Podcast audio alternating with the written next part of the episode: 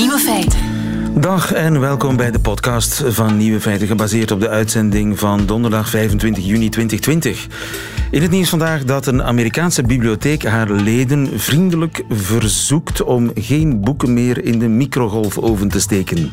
Want de laatste tijd krijgt de bibliotheek bijzonder veel boeken terug met brandvlekken. Nu blijkt dat sommige leden de uitgeleende boeken even in de microgolf steken voor ze erin lezen. En dat om het coronavirus te doden. Onnodig en gevaarlijk al dus de bibliothecaris, want het boek kan in brand schieten en zo uw hele huis in de fik steken.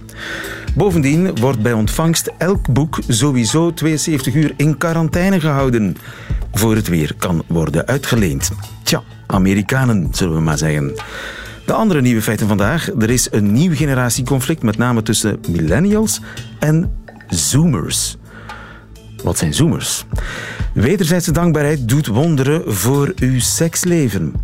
En de chemische wapenfabriek van de bombardeerkever is nu volledig in kaart gebracht. De nieuwe feiten van Johan Terrein hoort u in zijn middagjournaal. Veel plezier. Nieuwe feiten.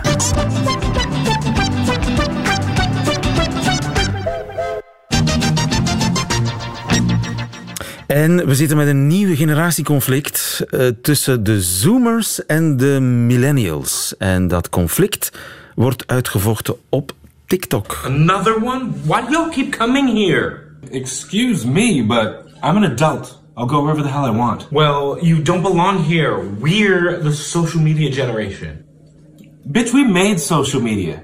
Check your facts, Ja, fetus. Zoomers en Millennials in de clinch op eh, TikTok. Babette Monen, goedemiddag. Goedemiddag. Van onze redactie. Even voor de helderheid. Ik ben generatie X. Ja, klopt. Want geboren tweede helft jaren 60. Jij bent generatie Y, want geboren late jaren 80. Ja.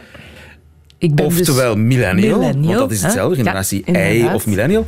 Na jou komt generatie Z, Z. oftewel de Zoomers. Inderdaad. En hoe oud zijn die Zoomers? Die zoomers zijn nu ergens tussen de 10 en de 23 jaar. Dus die zijn verschrikkelijk jong.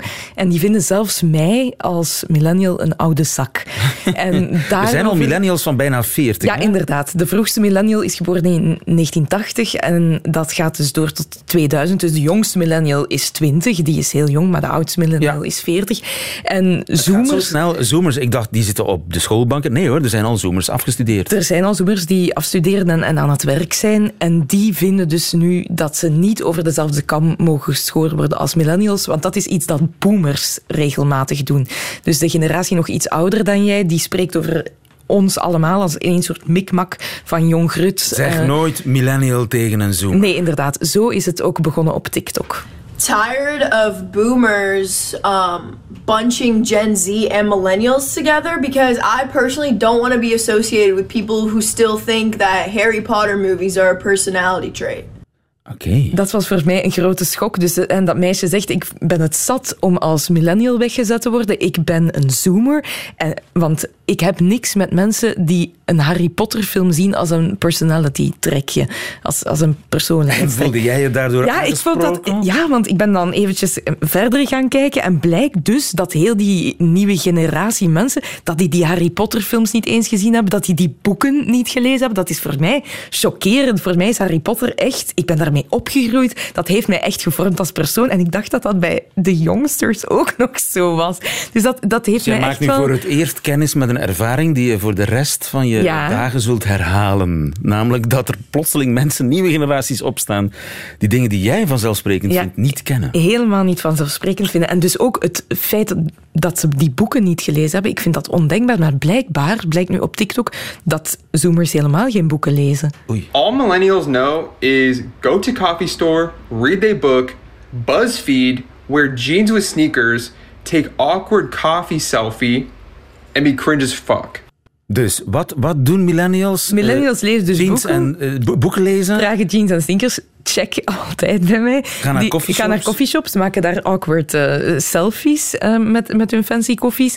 Eh, en zijn cringe as fuck, zegt hij daar. Dat, Cringe, we- dat, is dat wil eigenlijk zeggen Dat is, dat een zoomerwoord? Dat, Dat is echt een zoomerwoord. Cringe. Dat is eigenlijk om te zeggen van ik schaam mij een beetje voor u. Ik, Creepy. Cringe. Ja, dat is dit- creepy. Dit is cringe. Mijn- cringe. dat- Ik schaam me, dit is Mijn gênant. haren reizen... Ik krijg daar Inderdaad. raar kippenvel van. Hier wil ik ver weg van blijven, Oké. dat zo'n beetje. Dus dat is een deel van wat de, de zoomers ons verwijten. Wat ze voor de rest nog vreselijk vinden, is dat in BuzzFeed inderdaad. Ik weet niet of dat jouw generatie wat zegt. Hè? Ah, ja, maar dat zijn van, van die quizjes van eh, zeg welke wijn je graag drinkt en ik vertel je welke perso persoonlijkheid je hebt. Dat soort dingen. Dat, dat, daar Ehm, trappen zoomers niet meer in. Nee, inderdaad. Een nostalgie naar de jaren 90 zou ook typisch zijn voor mijn generatie. Dus alles was vroeger beter, de Friends-generatie, eh, toen, toen we allemaal nog geen zorgen hadden. En dat zijn dus dingen die, eh, die nu zoomers ons verwijten. Maar het grappige is dat boomers ons exact hetzelfde verwijten. En dat vind ik er heel, heel opvallend aan. Want ook boomers zeggen hè, van ja, eh, millennials zeuren maar de hele tijd dat ze nooit hun huis afbetaald kunnen krijgen. Maar ja, dan moeten ze misschien maar wat minder eten en wat minder fancy lattes drinken. En misschien als snowflake wat minder naar de psycholoog gaan, want wij gaan ook voor alles naar de psycholoog volgens. Watjes. En het, dat vind ik het grappige, dat dus de generatie boven ons en de generatie onder ons exact dezelfde dingen verwijt. Ja, maar wat doen zoomers dan anders dan millennials? Hoe verschillen zij dan? Wat hebben zij dan? Wel, volgens hen, want ik moet zeggen, ik kom uit een groot gezin. Ik ben de oudste van acht kinderen. En bij mij thuis zitten die twee generaties Ah. dus samen aan tafel. En ik heb ze. nooit gedacht dat er een generatieconflict was. Ik voel dat bij ons thuis niet. Ik heb nadien ook nog eens gepolst. Toen ik wist dat ik hierover iets kwam eh, vertellen, heb ik gevraagd van... Zeg, Zeggen jullie achter mijn rug dat ik een oude zak ben? Of hoe moet ik me dat voorstellen? Ze hebben dat ontkend. Ik weet niet of dat, dat uit zusterliefde is of, of zo. Maar wat de, de zoomers zou eh, anders maken dan de millennials, is het feit dat ze anders naar de wereld kijken. Millennials zouden meer een hang hebben naar het, naar het verleden en niet snel hun mond open doen als het gaat over grote thema's, zoals bijvoorbeeld de klimaatopwarming. We vinden dat allemaal wel heel erg, maar we willen wel nog naar Bali vliegen om daar koffieselfies te gaan nemen. Terwijl de generatie zoomers, die zeggen, ja nee, we kunnen niet meer naar Bali vliegen. Dat is Greta Thunberg. Hè? Ja, dat is een dat is echt typische een zoomer, zoomer. ja. Die zegt van, het kan zo niet verder. Ik zie de harde realiteit onder Kwaaie ogen. generatie. En we gaan er iets aan doen. Kwaad, maar alleen als het ertoe doet. How dare you? Ja, inderdaad. Zoiets. How dare you, dat. Maar enkel dus als het ertoe doet. Terwijl wij millennials, wij zijn daar anders in. En dat hebben wij dan gemeen met de boomers. Wij gaan ons eerder kwaad maken in de Starbucks. Dit is hoe een boomer dat eh, doet. No, this is ridiculous. This was supposed to be iced, not frozen. You need to remake this. Where is your manager? Dat is eh, Karen. I'd like to speak to the manager. Dat is de boomer. Dat is de boomer. De millennial die een foute bestelling bij de Starbucks krijgt, die reageert als volgt. Oh, um, I- I- I'm really sorry to ask this, but um, I was supposed to have this iced and not frozen. Could you remake it for me? Sorry. Thank you. I appreciate that. Wat beleefder, maar wel nog steeds... Ik wil wel mijn, mijn juiste Starbucks. En de zoomer die reageert zo. Oh. This is fine. Thank you. I appreciate that. It was supposed to be iced and not frozen, but I'll rather die than ask them to remake it. Dus je zou denken van, het zijn watjes, want ze durven in de Starbucks niet eens te zeggen dat ze eigenlijk iets anders besteld hadden. Maar zoomers zeggen, dat doet er niet toe. Daar ga ik mijn stem niet voor gebruiken. Ik ga mijn stem gebruiken voor de dingen die er echt toe doen. Kiezen hun gevecht. Inderdaad. Dat zou het grote verschil zijn. Oké, eh, op je kop krijgen van de generatie boven je en onder je. Ik... eh, ja, millennials hebben een dat- heel zwaar leven. En dat is dus exact wat millennials dan ook zeggen. We hebben een heel zwaar leven, maar lieven, morgen is het al Friday. Nieuwe feiten.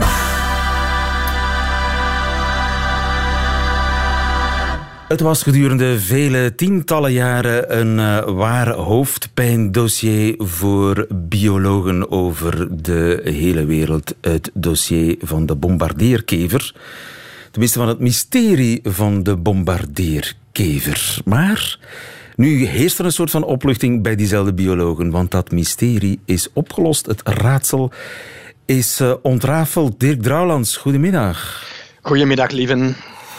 Dirk, eh, de bombardeerkever, kan ik die hier tegenkomen? Ja, fijn. Het- Hij, is, eh, komt eigenlijk in België alleen maar ergens in het zuiden van het land voor. Dus in principe niet. Het is nu ook niet iets, eh, wel in Zuid- Zuid-Europa. het is ook niet iets speciaals om te zien. Het is een kevertje van amper een centimeter. Dat er een loopkever die er niet zo geweldig uh, indrukwekkend uitziet. Maar die wel uh, ja, natuurlijk in de biologie een, een uh, sleutelrol speelt. Omdat dat beest een onwaarschijnlijke verdedigingsreactie ontwikkeld heeft. En die reactie is zo complex en zo doordacht bij wijze van spreken dat creationisten, hè, dus de mensen die geloven dat God alles geschapen heeft, dat er dus geen evolutie nodig is, dat lang als een voorbeeld gebruikt hebben om te zeggen van dit kan gewoon niet ontstaan door een soort uh, chronologie in de evolutie. Deze is het bewijs dat God uh, um, bestaat en dat God uh, de dieren gemaakt heeft. Ja, het, het is zo spectaculair wat hij allemaal doet. Dat kan nooit door Darwin of door de evolutie zijn ontstaan. Hoe spectaculair is dat eigenlijk? Waar zit dan dat spectaculaire van die bombardeerkever? Het spectaculaire is dus dat het eigenlijk een hele reeks uh, van, van, ik moet hier bijna een, een cursus uh, basischemie gaan, uh, gaan uitleggen om, om te beschrijven wat dat ze nu ontdekt hebben. Science of Nature heeft dat gepubliceerd een, een, paar weken geleden, toch een respectabel vakblad. En er is heel veel werk aan vooraf gegaan. Maar het is dus, ik ga het even ruw samenvatten. Hè, lieven. Het begint met twee chemische stoffen die we min of meer kennen, omdat we ze zelf ook gebruiken. Waterstofperoxide, zo'n ontsmettingsmiddel. hydroginon, dat wordt als een stabilisator in verf en vernis gebruikt. En in die kever worden die twee samengebracht en die maken dan uh, chemische stoffen die benzokinonen heten. Benzo benzokinonen is op zichzelf al interessant, want dat zijn ook giftige stoffen die ook duizendpoten gebruiken, spinnen gebruiken. Hè, die hebben dat onafhankelijk van onze kever ontwikkeld. En, en, en dat is dus iets dat waarschijnlijk in de natuur relatief gemakkelijk te doen is, omdat dat in verschillende plekken op het dierenrijk hè, dus, uh, dus, uh, en, en gebruikt dus, wordt. Er is een soort van chemische fabriek in het buikje van die bombardeerkever, waar goedjes ja, ja, ja. gemengd worden tot, voilà. tot... En wat doet hij daarmee? Uh, wel, en dan wordt het, uh, hij heeft dat dus uh, verder uitgewerkt, onze kever, via dat passieve proces hè, van de Darwiniaanse natuurlijke selectie, want dat beest is er natuurlijk niet, niet bewust mee bezig geweest. Die pompt dan die benzokinonen actief in wat dat de wetenschappers een explosiekamer noemen, waar, dat die, waar dat er chemische reacties versterkt worden door stoffen die daar aanwezig zitten, zodat die benzokinonen eigenlijk in brand gestoken worden, bij wijze van spreken. Die gaan naar het kookpunt. En dan, op het moment dat die dus op dat kookpunt komen, zit daar zoveel druk in die explosiekamer dat die uh, hete damp eigenlijk is dat dan, die dat daaruit komt, die wordt dan met kracht naar buiten gespoten.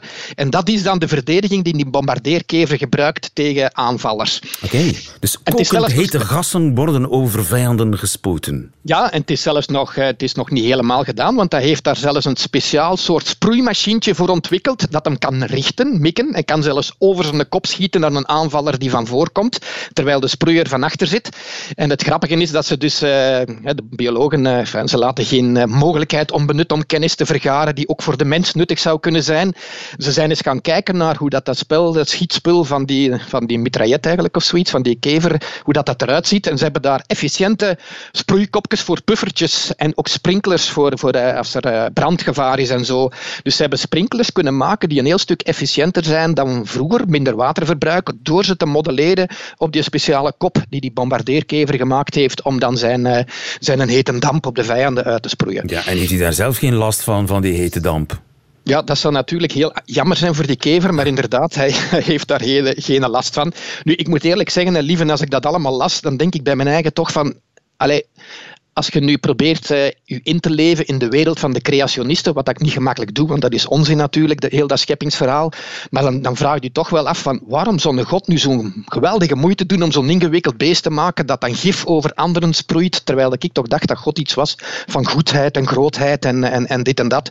Dus uh, het, is, het is gewoon een kwestie van basis overleven door uw vijand eigenlijk bij wijze van spreken te verschroeien. Ja, maar ik kan me aannemen dat, dat als ik dat zo hoor, dat hij een unieke plaats inneemt in het dierenrijk. Ik bedoel, er zijn weinig andere wezens die, die ja, een, een chemische oorlogsvoeringsvechtmachine zijn geworden.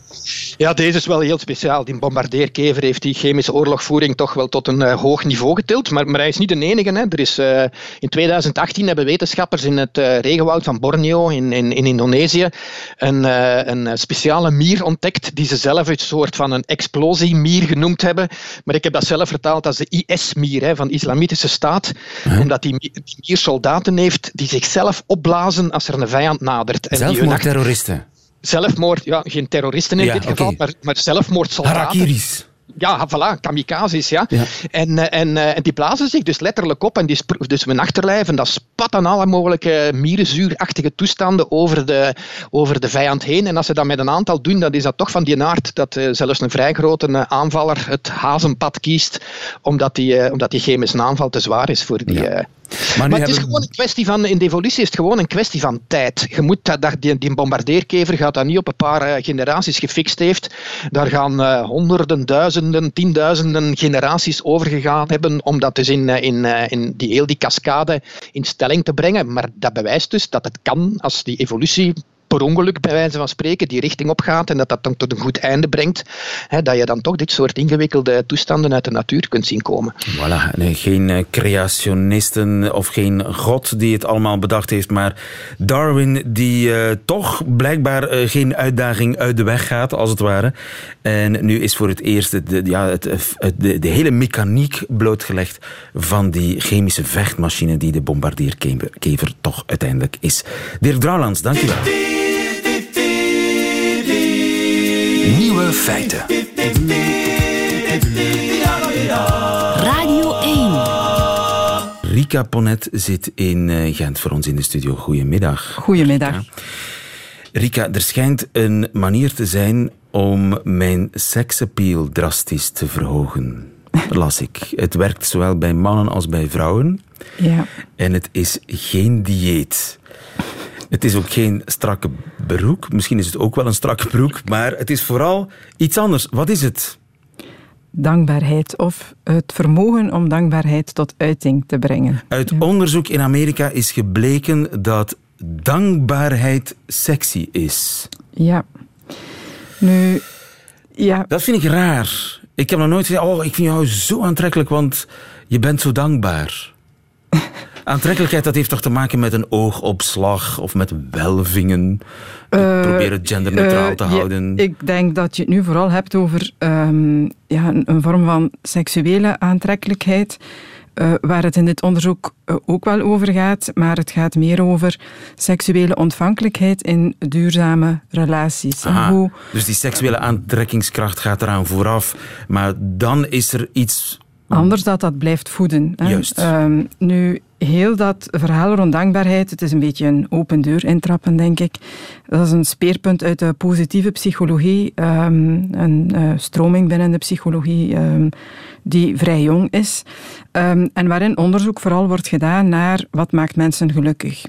En uh, wat kwam daar uh, uit al die onderzoeken heel dominant naar voren? Dat eigenlijk het uiten van dankbaarheid en het ook ervaren van dankbaarheid um, bij anderen, dat dat mensen um, bijzonder positief stemt en uh, gelukkig maakt. En uit dit specifiek onderzoek komt dan naar voren dat als dat binnen een relatie uh, frequent gebeurt uh, en mensen zijn in staat om dat naar elkaar toe ook te uiten, dat ze ook seksueel ontvankelijker zijn voor elkaar. En uh, als je dat bijvoorbeeld doet naar je partner toe, uh, dat die veel makkelijker jouw seksuele noden of verwachtingen zal tegemoetkomen, zal inwilligen, daar aandacht zal voor hebben. Maar hoe werkt dat dan? Is het dan, ik, ik, kan ik iemand sexy vinden uit dankbaarheid? Je hebt mij een cadeau gegeven en -hmm. daarom uit dankbaarheid wil ik met je naar bed als een soort van Ja. tegenprestatie?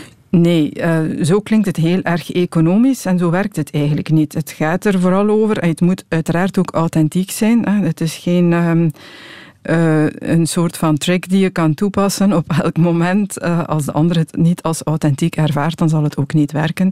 Maar um, uh, het is iets wat we zeker wel kunnen oefenen. Hè. Stel, ik ben met iemand samen en um, er zijn een aantal dingen uh, ja, die ervoor zorgen dat ik uh, een fijne dag heb gehad of dat die, iemand doet iets voor mij binnen mijn relatie waar ik heel blij mee ben.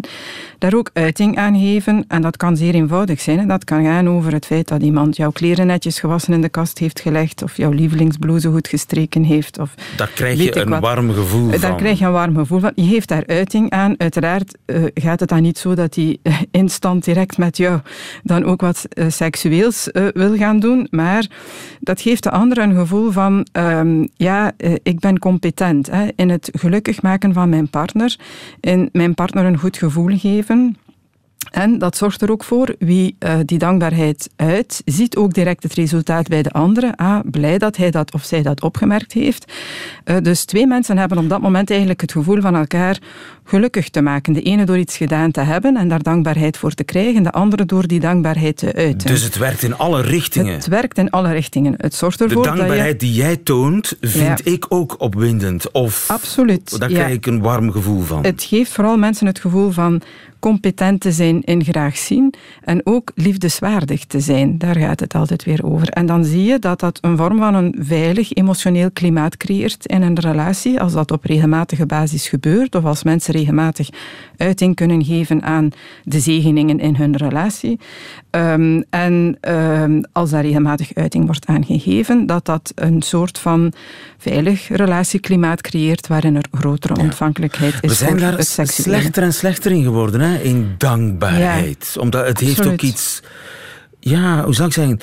Dankbaarheid, het wordt nogal vaak gezien als iets wat je in stilte... Je moet nogal mm -hmm. veel dingen in stilte doen voor elkaar. Alsof ja. dat de normaalste zaak... Alsof dat gewoon is. Ja.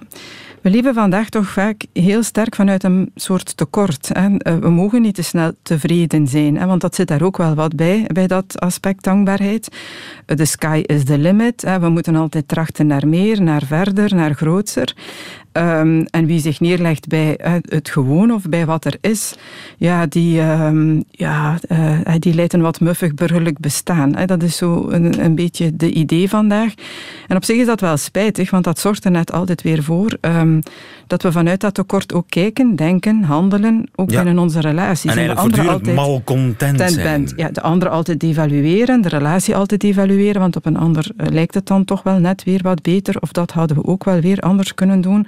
Of mijn partner zou inderdaad toch nog wel wat kilo's kunnen verliezen. Of, um, en zo ontstaat er afstand. En zo ontstaat er afstand. En hebben mensen ook constant het gevoel ja, dat het niet goed genoeg is. Uh, dat men niet aantrekkelijk genoeg is. Dat men het niet goed genoeg doet. Um, en uh, dat staat helemaal haaks op dan ook seksueel ontvankelijk zijn voor elkaar. En is dat iets wat je in jouw praktijk... Want het blijkt nu uit onderzoek in Amerika. Dat bevestigt uh -huh. eigenlijk wat jij ziet in je praktijk. Absoluut. Uh, ik merk dat heel vaak bij koppels. Hè, dat um, als het uh, heel moeilijk loopt, zeker ook in dat seksuele domein, uh, dat dat uh, heel vaak is, niet omdat er niets is om dankbaar voor te zijn of omdat er geen goede dingen zijn, maar omdat men dat eigenlijk niet meer kan en men het ook volledig verleerd is om daarnaar te kijken. De focus zit dan zo hard op alles wat er niet is, dat men bijna niet meer in staat is om iets te benoemen wat er wel is, terwijl er zeker veel dingen wel zijn. Ja, en kan het uitspreken van dankbaarheid dan de motor doen aanslaan? Absoluut. Dat is iets wat we kunnen oefenen. Dat klinkt ook allemaal zo... Hè, uh, ja, het klinkt allemaal heel erg Tante Terry. Ja, en absoluut. Bob. En, en ik, het, het staat ook wat haaks op mijn manier vaak van dingen te benaderen. Maar um, ik heb al zo vaak ervaren dat het werkt, ook in andere relaties. Ik raad het iedereen aan om het eens te proberen, hè, een week lang. Uh, probeer elke dag eens naar iemand die iets leuks voor jou gedaan heeft of waar je een goed gevoel bij had. En dat kan iemand zijn die u vriendelijk bediend heeft in de winkel. Daar een vorm van dankbaarheid rond te uiten, dat uh, maakt jezelf echt gelukkiger. Het werkt effectief, uh, zeker weten. En ik, ja, ik raad het mensen ook vaak aan, heel praktisch. Spreek naar elkaar toe. Elke dag is één ding uit waar je die dag dankbaar voor was, wat de andere voor jou gedaan heeft. En dat verandert het niet helemaal, maar het helpt wel. Het bouwt ook een soort van uh, focus of een vernieuwde focus op uh, wat, wat wel goed zit ja, in een relatie. En de beste dingen in het leven zijn gratis. Zo blijkt ook maar weer. Dankjewel. Ja, absoluut. Rika Ponet, relatiedeskundige. Goedemiddag. Goedemiddag. Wayne Newton, die voegt het aan bij het woord. darling, dark as shame. Thank you for all the joy and pain. Picture show, second balcony was the place we'd meet. Second seat, go Dutch treat. You were sweet, dark as shame. I'll be the same.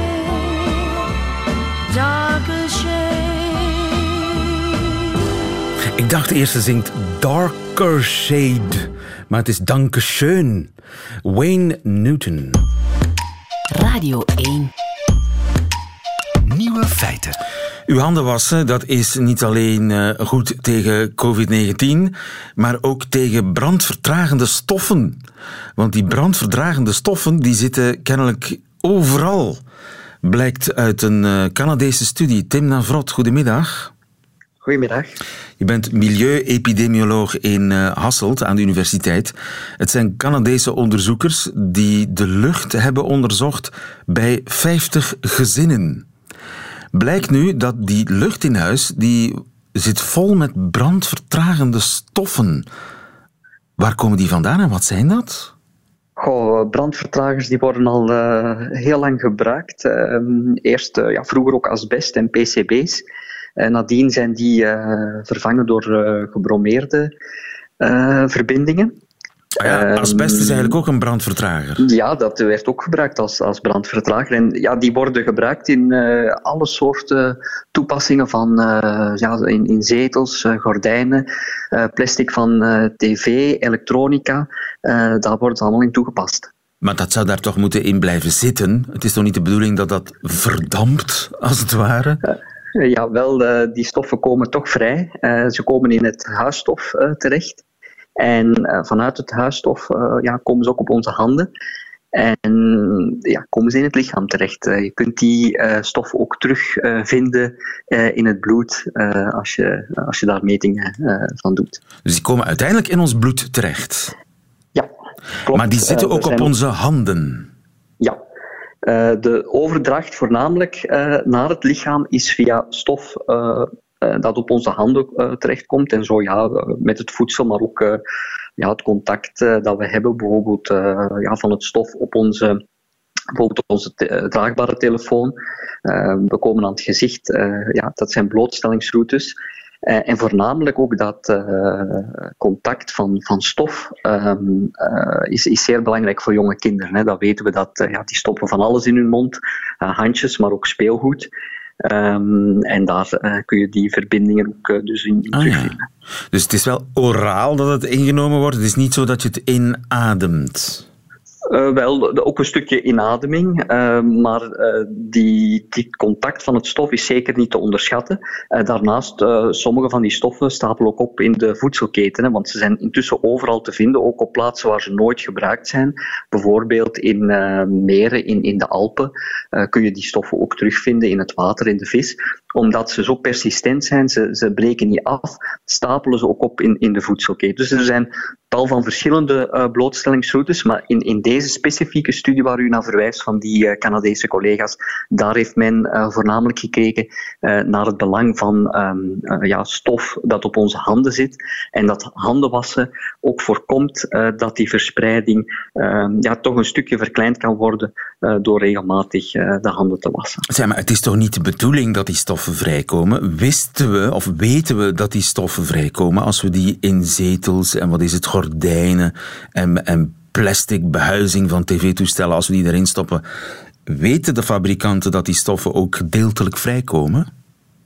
Wel, um, dat is in de jaren 60, 70 uh, geïntroduceerd. Uh, natuurlijk ook met een doel om uh, brandgevaar eh, te verminderen. u weet ook de, de oude tv-toestellen die um, beeldbuis-tv's... ja, die konden, wat was het, imploderen, hè? Ja, ja. En dus om dat brandgevaar ook een stuk te beperken, werden die stoffen onder andere daarin in hoge concentraties in die toestellen uh, gebruikt. Wat is er eigenlijk een beetje uh, gaande ook dat uh, voor een stuk is dat ja, blijven die plastics dezelfde samenstelling ah. deels behouden.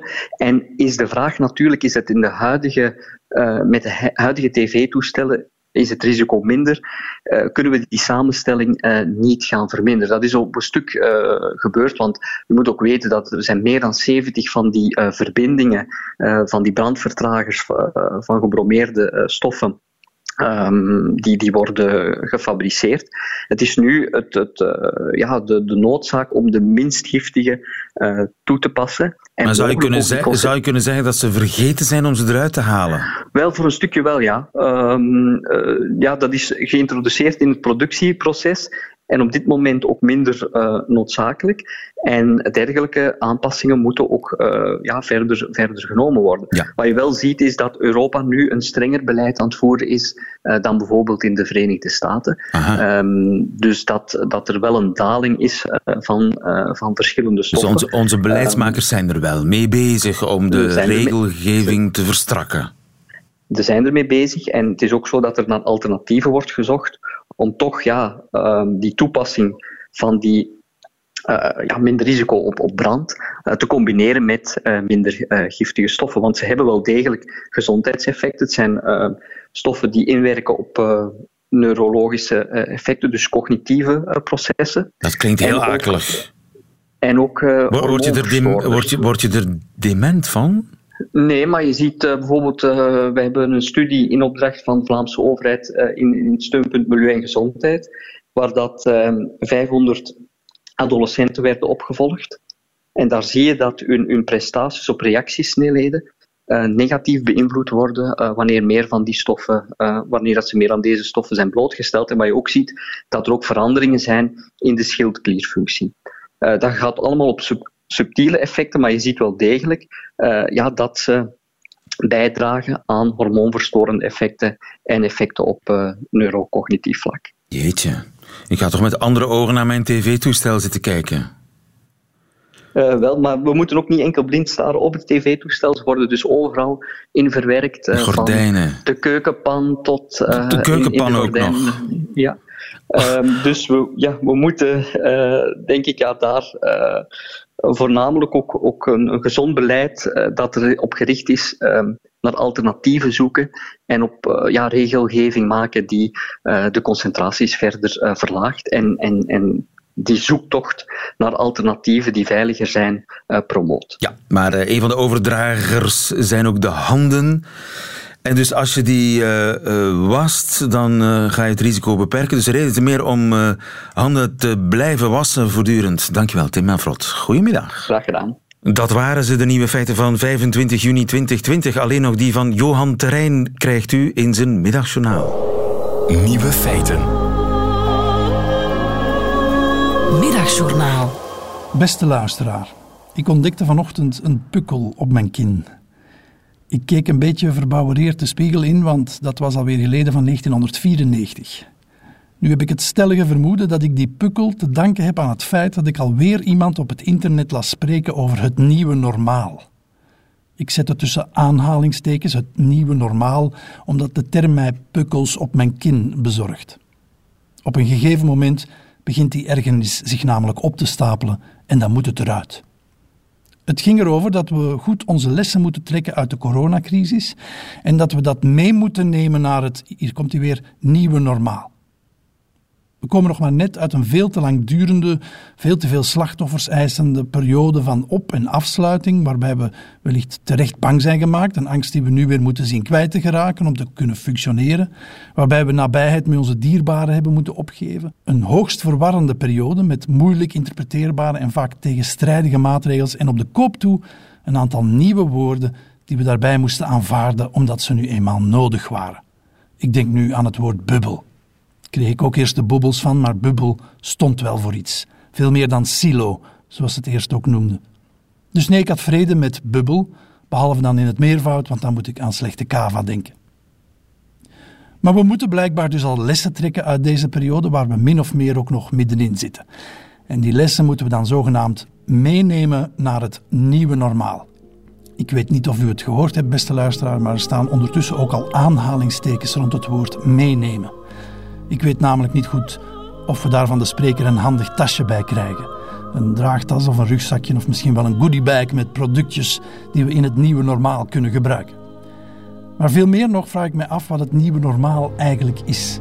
Is dat het vroegere normaal, maar dan zonder handdruk, zonder nabijheid, zonder met veel samen zijn, zonder vieren, zonder vastpakken, zonder kussen, zonder komierdaku? Is dat het?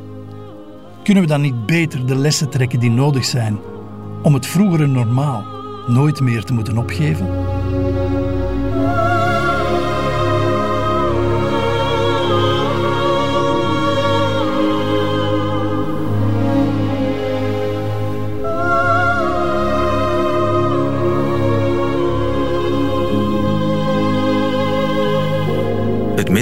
Met Johan Terrein. Einde van deze podcast. Hoort u liever de volledige uitzending van Nieuwe Feiten met de muziek erbij? Dat kan natuurlijk ook via onze website radio1.be of onze terecht veelgebruikte app. Tot een volgende keer.